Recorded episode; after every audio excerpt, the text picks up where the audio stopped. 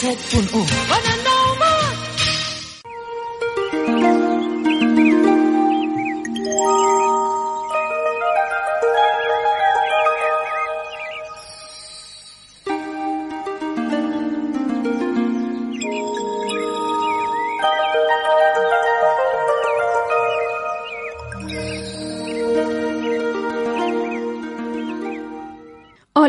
Rebin la benvinguda a aquesta nova edició del programa L'aventura de viure amb aquesta sintonia.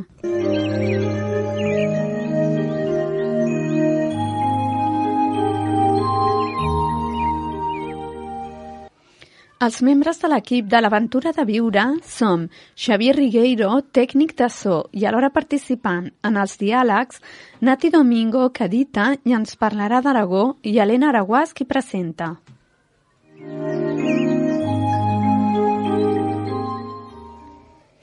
Aquesta setmana, amb l'apartat Països del món, no anirem tan lluny com altres vegades amb el nostre incansable recorregut per continents, països, regions i comunitats diferents. Avui presentarem les característiques més representatives d'una comunitat autònoma espanyola, Aragó.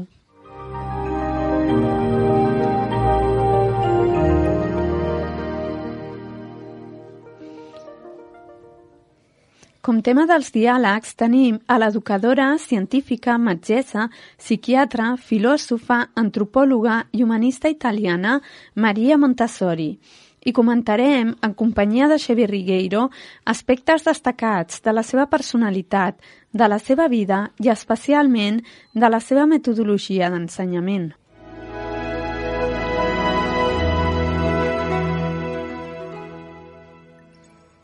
I a l'apartat Claró seguirem avançant amb la meditació de la Creu de Cris. Contarem, com és habitual, amb el comentari de Xavier Rigueiro. Però ara, abans de desenvolupar el que els hem anunciat, escoltarem una primera cançó interpretada per Marcos Vidal, El Ciego.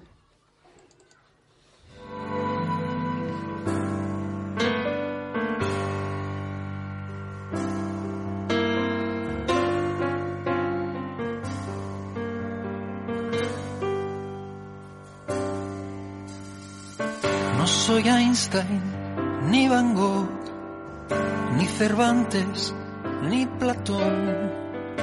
No tengo en mis venas sangre azul, no soy ningún dios.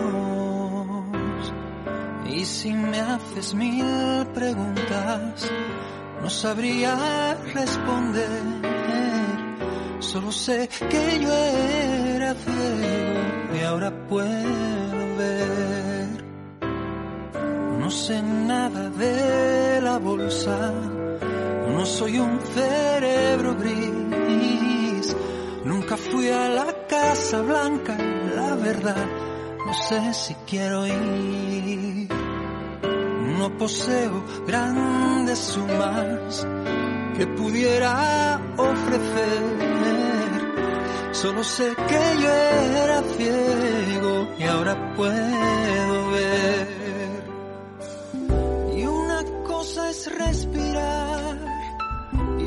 Ver la luz. Y hoy te miro y ahora sé que no hay nadie como tú. Yo sin nada que ofrecer,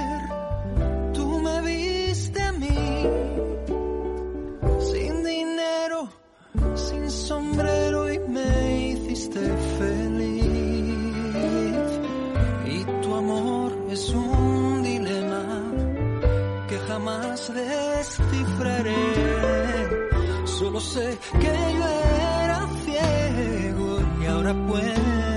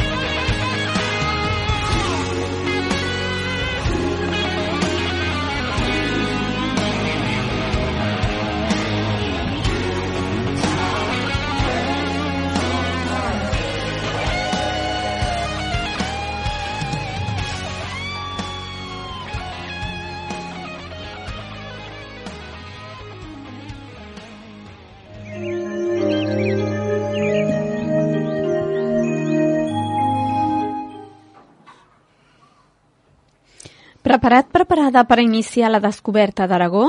Doncs comencem. Endavant, Nati. Aragó és una comunitat autònoma d'Espanya situada al nord de la península. Limita amb les comunitats de Castella-La Manxa, Castella i Lleó, Catalunya, La Rioja, Navarra i el País Valencià i amb Occitània a l'estat francès. I ja ben situats en el mapa, iniciem la descoberta.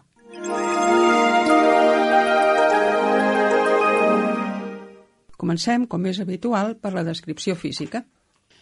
Amb una superfície de 47.719 quilòmetres quadrats, el territori d'Aragó inclou el tram central de la Vall de l'Ebre, els Pirineus centrals i les serralades ibèriques.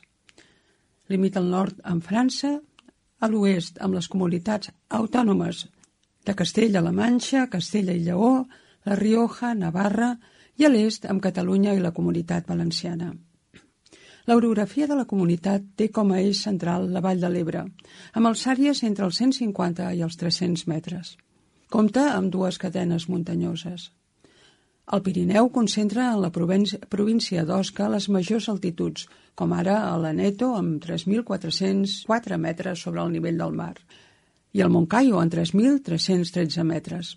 Compta amb un dels parcs nacionals d'Espanya, el Parc Nacional d'Ordesa i el Monte Perdido, situat a la comarca prepirinaica de Sobarbre, Osca, i declarat com a tal el 1918. Compta amb una superfície de 15.608 hectàrees. Les valls principals són les que estan formades pels rius que hi neixen i que són la vall d'Ansó amb el riu Beal, la vall d'Echo amb el riu Aragó Suborodan, la vall de Canfranc amb el riu Aragó, la vall de Tena amb el riu Gàllego, la vall d'Insa amb el riu Cinca, la vall de Pineta amb el riu Cinca també, la vall de Xistain amb el riu Cinqueta i la vall de Benasque amb el riu Essera. Pel que fa a les muntanyes estan eh, Sant Joan de la Penya, de 1.552 metres, i Penya Oroel, de 1.769. Les serralades prepirinenques constitueixen la unitat més meridional dels Pirineus, amb altituds entre els 1.500 i els 2.000 metres. Destaca la Sierra de Guara, una de les més importants. El punt culminant és el Tossal de Guara, amb 2.077 metres. Destaquen per la seva bellesa els Mallos de Riglos, amb alguna semblança amb Montserrat. Al sud-oest es troba la Serra d'Alcubierre, de 811 metres. Al sud del riu hi ha les moles de Borja i Saragossa. Pel que fa al clima, la seva orografia irregular fa que es creen diversos climes o microclimes. Des de l'alta muntanya dels Pirineus centrals, al nord amb els seus gels perpetus, fins al de les zones estepàries o semidesèrtiques, com els Monegros, passant pel clima continental intens de la zona de Teruel d'Aroca, demostren que efectivament Aragó compta amb una gran diversitat geogràfica.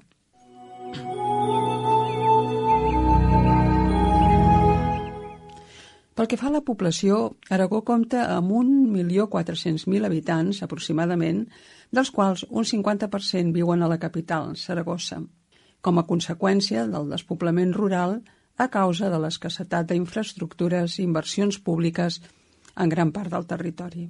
I la resta presenta una ocupació molt dèbil.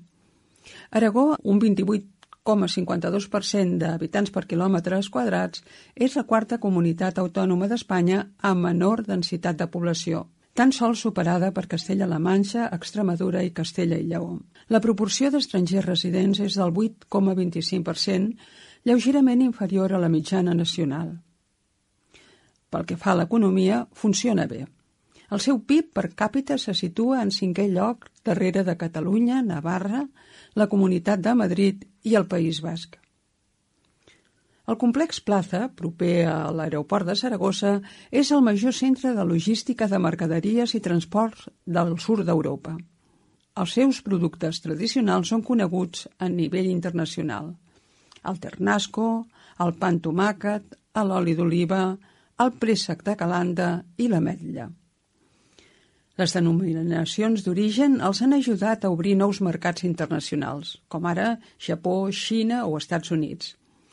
A Aragó es parlen diverses varietats lingüístiques dintre de tres idiomes, el castellà, l'aragonès i el català d'Aragó. Segons la llei de llengües d'Aragó, l'aragonès es considera com llengua pròpia, original i històrica d'Aragó, encara que no reconeix la seva oficialitat. A les valls pirenaiques és on més es conserva el seu ús. El català es parla a la franja oriental d'Aragó i també és considerat com llengua pròpia d'Aragó. Compta en diverses formes de producció d'energia. Centrals de cicle combinat, parcs eòlics, centrals hidroelèctriques, centrals tèrmiques de carbó i plantes solars. Les energies renovables se situen en el 13,82%. Pel que fa a l'educació, segons un informe PISA, Aragó va superar la mitjana espanyola i es va acostar als països amb millor nivell educatiu d'Europa. Quant a les institucions amb poder polític són les Corts d'Aragó, el president, el govern i la justícia. Compta en dos aeroports, el de Saragossa, a 10 quilòmetres de la capital, i el d'Osca Pirineus. Pel que fa als mitjans de comunicació, Disposa d'una televisió i ràdio pròpies i eh, compta amb nombrosos diaris aragonesos. I ara passem a fer el resum històric. En el segle VII comença la història d'Aragó amb la invasió musulmana de la Hispània visigoda i el conseqüent enfonsament de l'estat visigòtic. Després d'aquesta invasió sorgeixen al territori diversos reductes cristians de resistència a l'islam – entre ells l'embrió del futur Àrago. En el segle IX, un reduït territori situat entre les valls de Canfranc i Fet, tutelat pel regne de Pamplona, prendria el nom del riu Aragó, denominació documentada per primera vegada l'any 828 i que marca l'inici de la història d'Aragó. Amb el pas del temps va anar ampliant fronteres i va evolucionar a ser primer un comtat i després un regne.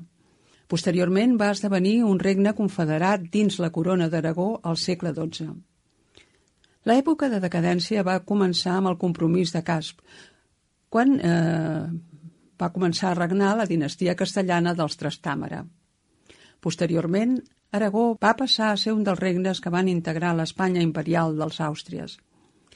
En aquest període es va produir un procés de debilitament dels drets forals propis i del respecte institucional del rei al territori i costums d'Aragó.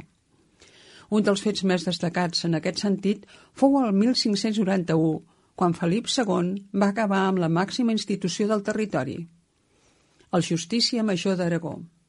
Amb la Guerra de Successió, Aragó va apostar pel candidat austriacista, esdevenint un camp de conflicte i perdent el seu estatus de regne al 1707, quan, després d'una gran ofensiva borbònica, van ser conquerits els seus territoris i proclamats els decrets de nova planta que van abolir els drets propis, passant així a ser uns territoris de l'Espanya borbònica centralitzada. Al segle XIX, Aragó és un dels territoris que més va patir la Guerra del Francès i més endavant un dels que més va rebre en els enfrontaments en les guerres carlistes amb enormes partides guerrilleres rurals i amb els seus propis projectes absolutistes i de recuperació dels seus drets forals. Al segle XX, Aragó va viure moltes convulsions polítiques i socials que varen esclatar, sobretot durant l'etapa republicana i la Guerra Civil, tot fent reviure antigues aspiracions regionalistes i esdevenint, una vegada més, un camp de batalla entre republicans i nacionals. El règim franquista va propiciar una dura repressió social en contra de qualsevol consciència col·lectiva pròpia. Avui en dia, Aragó s'ha constituït com una comunitat autònoma i ha iniciat el seu procés de recuperació lingüística, d'integració social i geogràfica i de desenvolupament econòmic.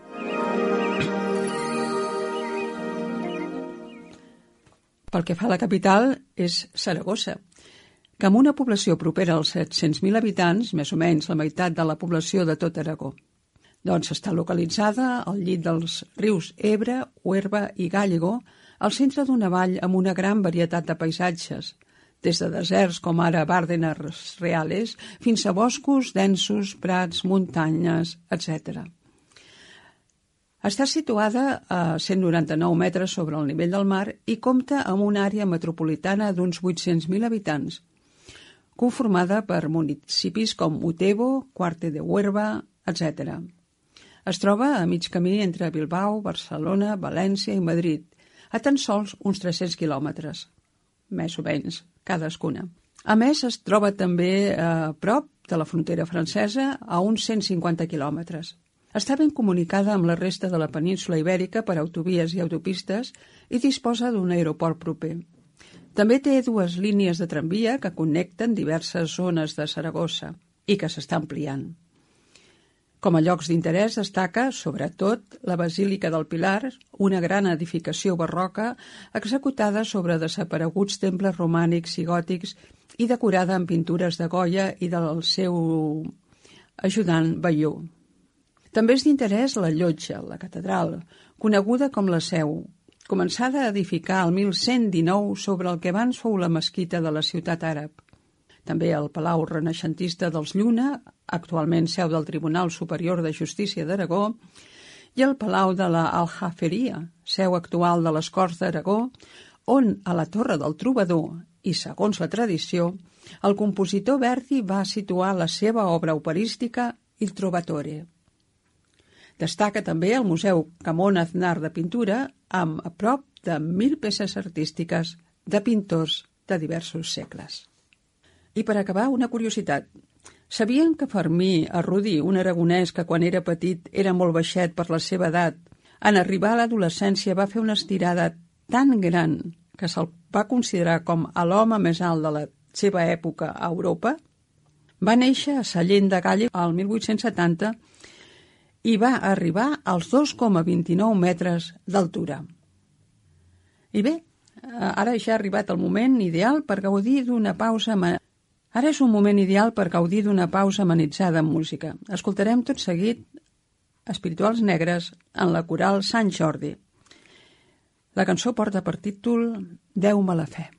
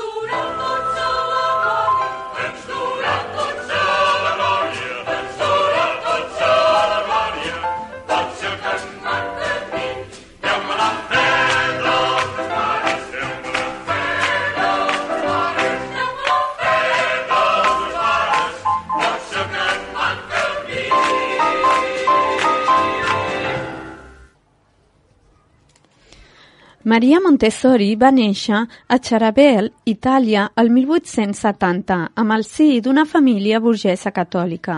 El seu pare, Alessandro Montessori, era militar de professió i un home molt estricte que, malgrat tot, reconeixia el dret a una certa educació de la dona. Així, doncs, Maria va aprofitar la vinentesa i va estudiar enginyeria de ben jove, després biologia i finalment fou acceptada en una època en què no es concebia que una dona hi pogués accedir a la Universitat de Roma, on va estudiar medicina, tot i que reglamentàriament no s'admetia dones per a cursar aquesta carrera. Però gràcies a les seves notes excel·lents, ella va aconseguir ser admesa i el 1896 es va graduar com la primera doctora en medicina que va tenir Itàlia i, a més, amb unes qualificacions molt altes. Poc després va començar a treballar en la pròpia Universitat de Roma com a ajudant del Departament de Psiquiatria. En aquest període es va interessar per l'educació dels nens amb alguna deficiència mental aplicant mètodes experimentals de dos professors francesos, va aconseguir que aquests infants aprenguessin a llegir i a escriure. Quina tècnica feia servir? La de reforçar l'autoestima dels nens a través de jocs i de treballs manuals. Un cop ells sentien que podien avançar, Maria els transmetia el coneixement de les lletres i dels números. Ben aviat va començar a ser respectada entre els professors i els pares d'aquests nens amb dificultats d'aprenentatge. Llavors, ella va pensar que el seu mètode podia encara ser més eficaç si el posava en pràctica amb infants sense cap mena de dificultat d'aprenentatge. Els principis educatius amb què ella es basava era que el nen necessitava dues coses bàsiques, estímuls i llibertat per aprendre. El mestre havia de deixar que l'alumne expressés els seus gustos i les seves preferències i, el més important, permetre-li que s'equivoqués, per tal que tornés a intentar el que havia iniciat. Montessori insistia en que calia canviar el rol del mestre dominant i deixar que l'alumne tingués un paper més actiu amb el procés d'aprenentatge. Gràcies a ella, també es va canviar l'ambient de les aules per passar de llocs foscos, incòmodes i tristos a espais amplis i lluminosos que contribueixen a estimular el cervell, l'intel·lecte i la capacitat de comunicació. La influència que va tenir la doctora Montessori amb el seu sistema fou mundial. Actualment, gran part de les seves idees estan incorporades amb la manera d'entendre els nens i els processos educatius. Val a dir, per últim, que va residir a Barcelona, Anglaterra i a Holanda, on va morir. Tema plantejat. Xavier, fins a quin punt el seu pare, militar i persona estricta, va contribuir al desenvolupament de les capacitats de la seva filla al permetre-li estudiar medicina en una època en què no es concebia que una dona estudiés medicina? L'actitud del seu pare va ser molt interessant tenint en compte que les dones no accedien a la universitat. La dona es pensava que l'única missió que tenia doncs, era cuidar de la, de la llar, criar els fills i poc més. Això de que una dona pogués exercir una carrera no es contemplava. Però el seu pare, veient la intel·ligència que tenia la noia, veia que seria un desaprofitament que no estudiés. Per això la va ajudar a poder estudiar, a poder ingressar a la universitat, encara que va tindre dificultats, perquè va tindre que presentar unes notes excel·lents. Gràcies a això va poder entrar a la universitat, perquè les notes eren molt superiors a les notes dels nois. Això mm, va ser el que li va obrir la porta per poder entrar a la universitat i així doncs, eh, la seva interès eh, per aprendre va poder estudiar diverses carreres.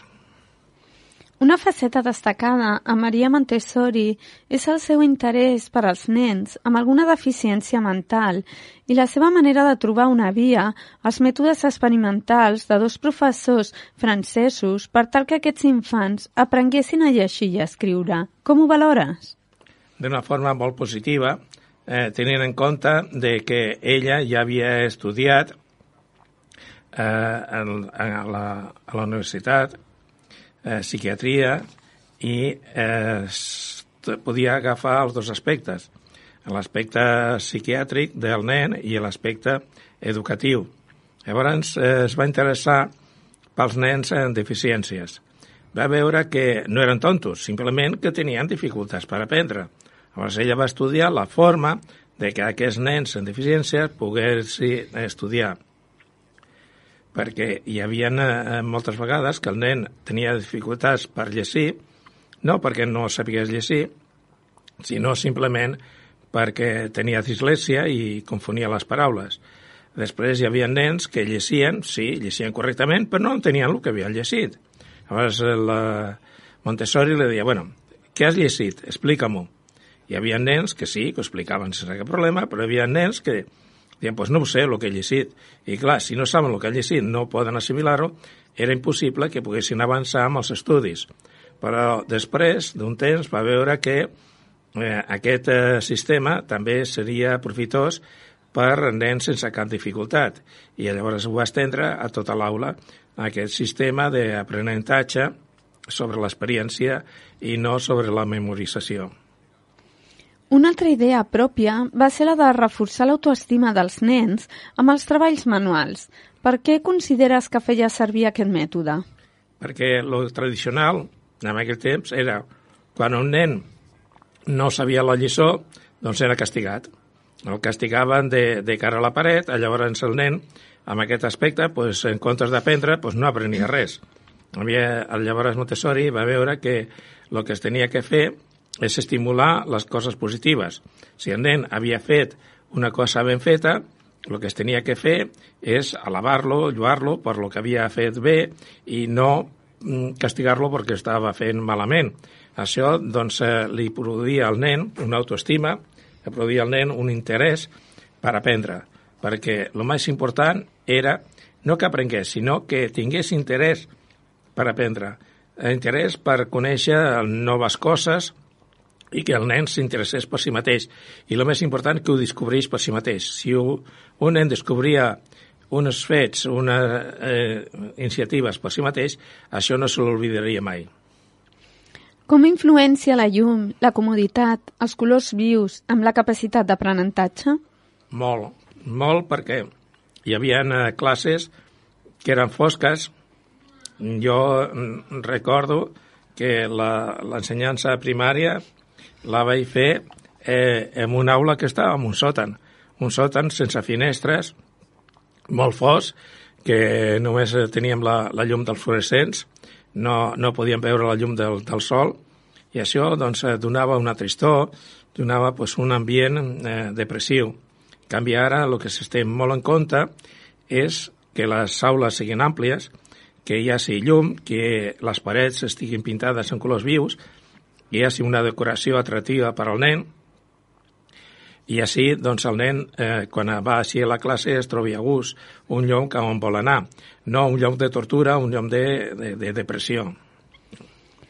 Per què és tan important ser curosos en aspectes externs per tal que l'ambient de la classe sigui estimulant des de tots els punts de vista, és a dir, fins a l'últim detall? De fet, el que Montessori va pensar que l'aula tenia que estar a la mida del nen. Així, doncs, eh, les taules tenien que ser baixes, tenien que ser a la mida del nen, les cadires també, tindre bons ventanals, que entrés la, la llum del sol, que estigués tot a la mida del nen. El penjar-robes tenia que estar a la seva alçada perquè pogués eh, penjar la seva roba sense cap dificultat. Tot ha pensat per al nen, no pensat per als adults, perquè si no el nen es trobava que no arribava als llocs, no arribava a, a entendre-ho.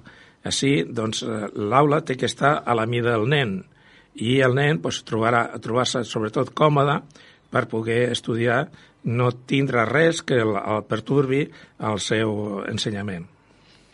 Si una classe té tot el que ha de tenir pel que fa als aspectes materials, però fallen els mestres amb la manera d'ensenyar o els alumnes en l'atenció? Què cal fer?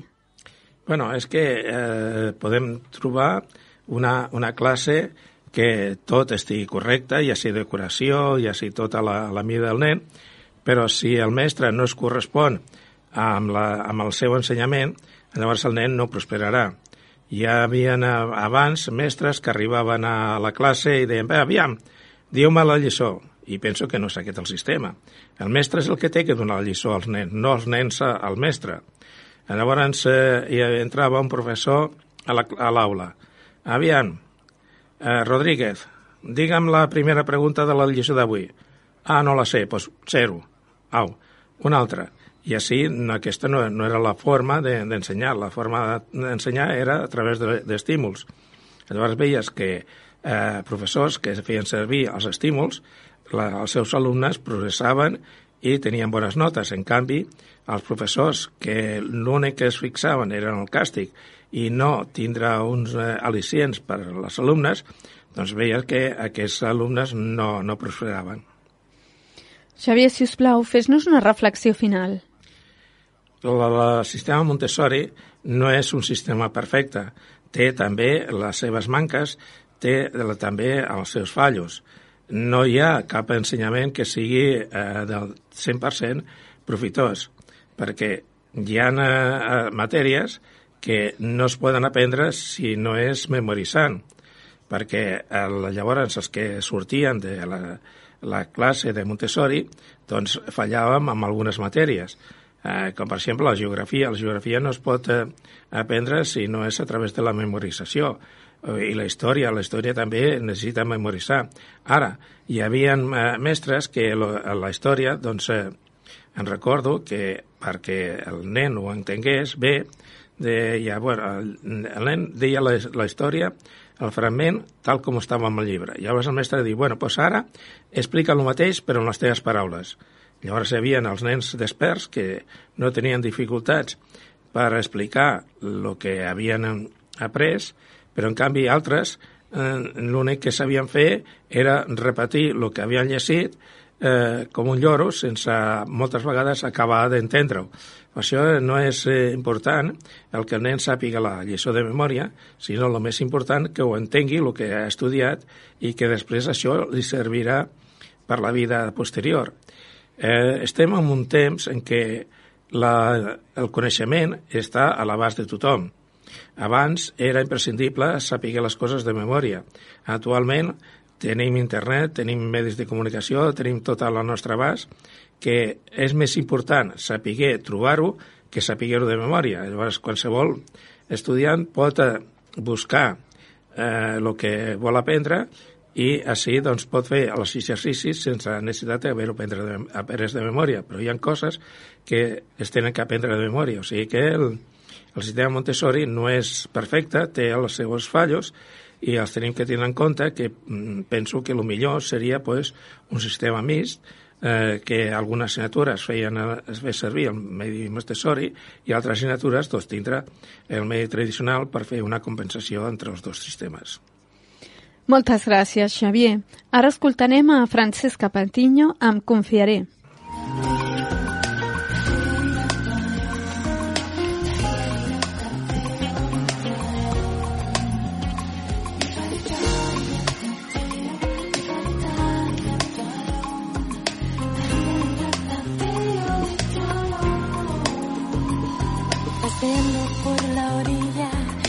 Culpa y del rencor Rescataste del abismo a este frágil corazón, inundando de esperanza cada fibra de mi ser. Tanto amor como se puede agradecer. Cada día en el camino es una oportunidad de alentar con tus palabras y proclamar tu libertad. Es difícil la proseguir Trabajar para tu reino es mi fin. Mi amado Cristo, aquí estoy en pie y dispuesta a todo. Quiero ser tu embajador, regalar al mundo paz. Si tu poder, fidelidad y gracia me acompañan,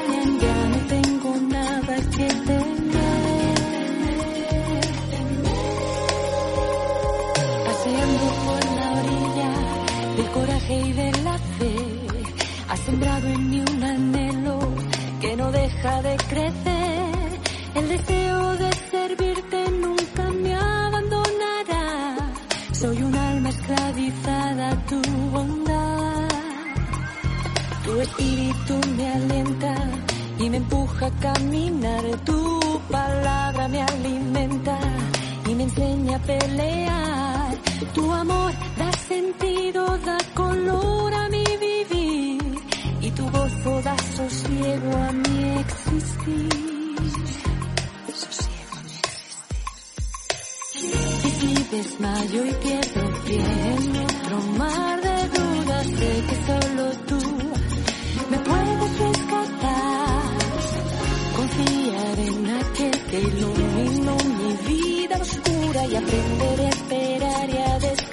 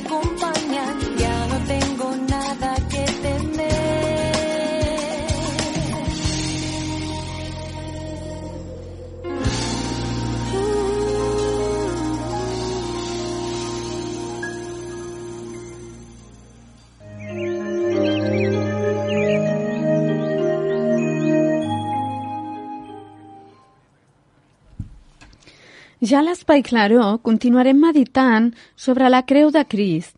La creu és un misteri. Com pot algú estimar tant i donar la seva vida pròpia, inclús per aquells que l'odien? No és això un misteri? Donem pas a Xavier Rigueiro, que ens parlarà en profunditat sobre aquest misteri. Endavant, Xavier, el temps és teu. Bé, tornarem una vegada més a repassar quines van ser les paraules que van pronunciar el Senyor Jesús quan estava clavat a la creu. Primera, Pare, perdona'ls perquè no saben el que fan. És el que no sabien els romans que l'estaven clavant? Que no sabien que estaven clavant el fill de Déu, el, la segona persona de la Santíssima Trinitat. Segona, avui seràs amb mi al paradís. Aquestes són les paraules que va fer dir al malefactor que estava clavat al seu costat, perquè ell li havia dit, en recorda't quan estiguessis al teu regne. Ell li va contestar, avui seràs amb mi amb el paradís. Tercer, dona, aquí tens el teu fill. Aquesta és la teva mare. Ell anava a partir d'aquest món i tenia que deixar el cuidado de la seva mare amb el seu disciple preferit. Ell, com primogènit, tenia la responsabilitat de cuidar de la seva mare i no la deixava totalment abandonada, sinó la deixava al cuidado del seu disciple estimat. Quarta, Déu meu, Déu meu, per què m'has abandonat? Llavors és quan es, es va trobar abandonat de Déu, rebent el càstig que no mereixia, el càstig que mereixíem nosaltres. La comunió entre el pare i el fill s'havia trencat, s'havia trencat per conseqüència del pecat. Ell no havia pecat, ell no era pecador, però per nosaltres s'havia fet pecador i el judici de Déu estava caient sobre ell. Setè, tinc set. Tenia la gola seca, necessitava eh, aclarir la seva veu per la paraula que diria després. Sisena, consumat és. Ja s'havia acabat perquè ell havia vingut. Havia sigut consumat l'obra de la redenció, l'obra que havia vingut, que ell sabia des del primer moment el que li esperava. Ell va anar voluntàriament a la creu. No el van prendre, el va, es va entregar. Setena, Pare, les teves mans confio el meu espírit. Aquest serà la, la paraula que desenvoluparem avui. Tornem a l'anterior. Consumat és. Crist va consumar la redenció per cada un de nosaltres. Si anem a l'Evangeli que segons el Lluc, capítol 23, versets del 44 al 48, llegim. Quan era cap al migdia, es va haver tenebres sobre tota la terra fins l'hora novena, i el sol es va enfosquir, i el vent de temple es va esquinxar per la meitat. Jesús cridà amb veu dient, Pare, les teves mans confio al meu espírit i a mi d'això aspiró. Quan el centurió veia que havia eh, esdevingut, va donar glòria a Déu dient, verdaderament aquest home era just. Veiem com eh, va haver-hi tenebres sobre la terra, Déu, mm, Pare, va enfosquir perquè no hagués tenebres, perquè no es veiés el moment tràgic en què Cris eh, entregava el seu esperit. De seguida que el eh, propòsit del Calvari s'havia complert, és lliure a la mort. El vel del temple es va esquinçar per la meitat. El vel del temple era una cortina gruixuda que separava el lloc sant del llogar santíssim. Amb el llogar sant podien entrar els sacerdots, però el llogar santíssim només podia entrar el sum sacerdot un cop a l'any. Per la gent de peu estava prohibit terminalment acostar-se a aquest lloc. Estava velat, estava tancat. Però en la mort de Cris aquest eh, vel s'esquinça per la meitat i llavors dona entrada a tothom. Tothom podem entrar al, al lloc santíssim, al lloc de Déu, a la, a la seva presència. Ja no hi ha separació entre el lloc sant i el lloc santíssim. Llavors, qui es cridar amb gran veu? era el motiu que tots eh, sentíssim, perquè tothom el sentís. Pare, a les teves mans confio el meu espírit. Això es porta a parlar de l'espírit. S'ha eh, parlat molt sobre el cervell humà, de on està la memòria, què són les capacitats que té el cervell, com es desenvolupa, però jo eh, més aviat el parla, parlaria del cervell com si fos un terminal telefònic. Quan parlem per telèfon, la persona en la que estem parlant no està dintre el telèfon, està en un altre lloc. Però gràcies als cables o gràcies a les zones el, el podem sentir. Doncs així passa amb el nostre cervell. El nostre cervell és com un terminal telefònic, a través del qual podem parlar amb el nostre espírit. Això ha, ha hagut eh, vegades que un accident greu que s'ha perdut massa encefàlica, es pensava que aquella persona doncs, ja no tindria capacitat, però després es recupera i veiem que els records que semblaven esborrats tornen una altra vegada, perquè la memòria no està amb el cervell, la memòria està amb l'espírit. Tenim en compte de que l'espírit és el que guarda totes les nostres fets i les nostres eh, experiències i els nostres sentiments. Per tant, jo penso que el, el cervell el veig com un terminal telefònic que ens serveix per comunicar-se amb l'Esperit.